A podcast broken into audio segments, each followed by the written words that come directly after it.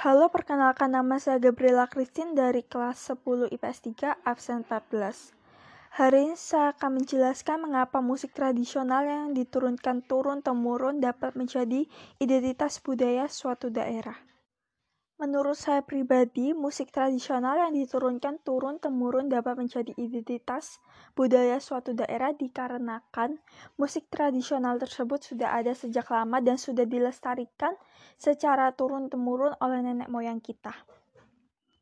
Musik tersebut juga memiliki ciri khas tersendiri sehingga dapat membedakan dari banyaknya jenis musik yang beredaran hingga saat ini.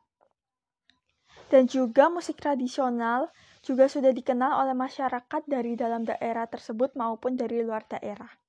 Karena hal itulah musik tradisional dapat menjadi identitas dari daerah tersebut. Sekian penjelasan dari saya, terima kasih.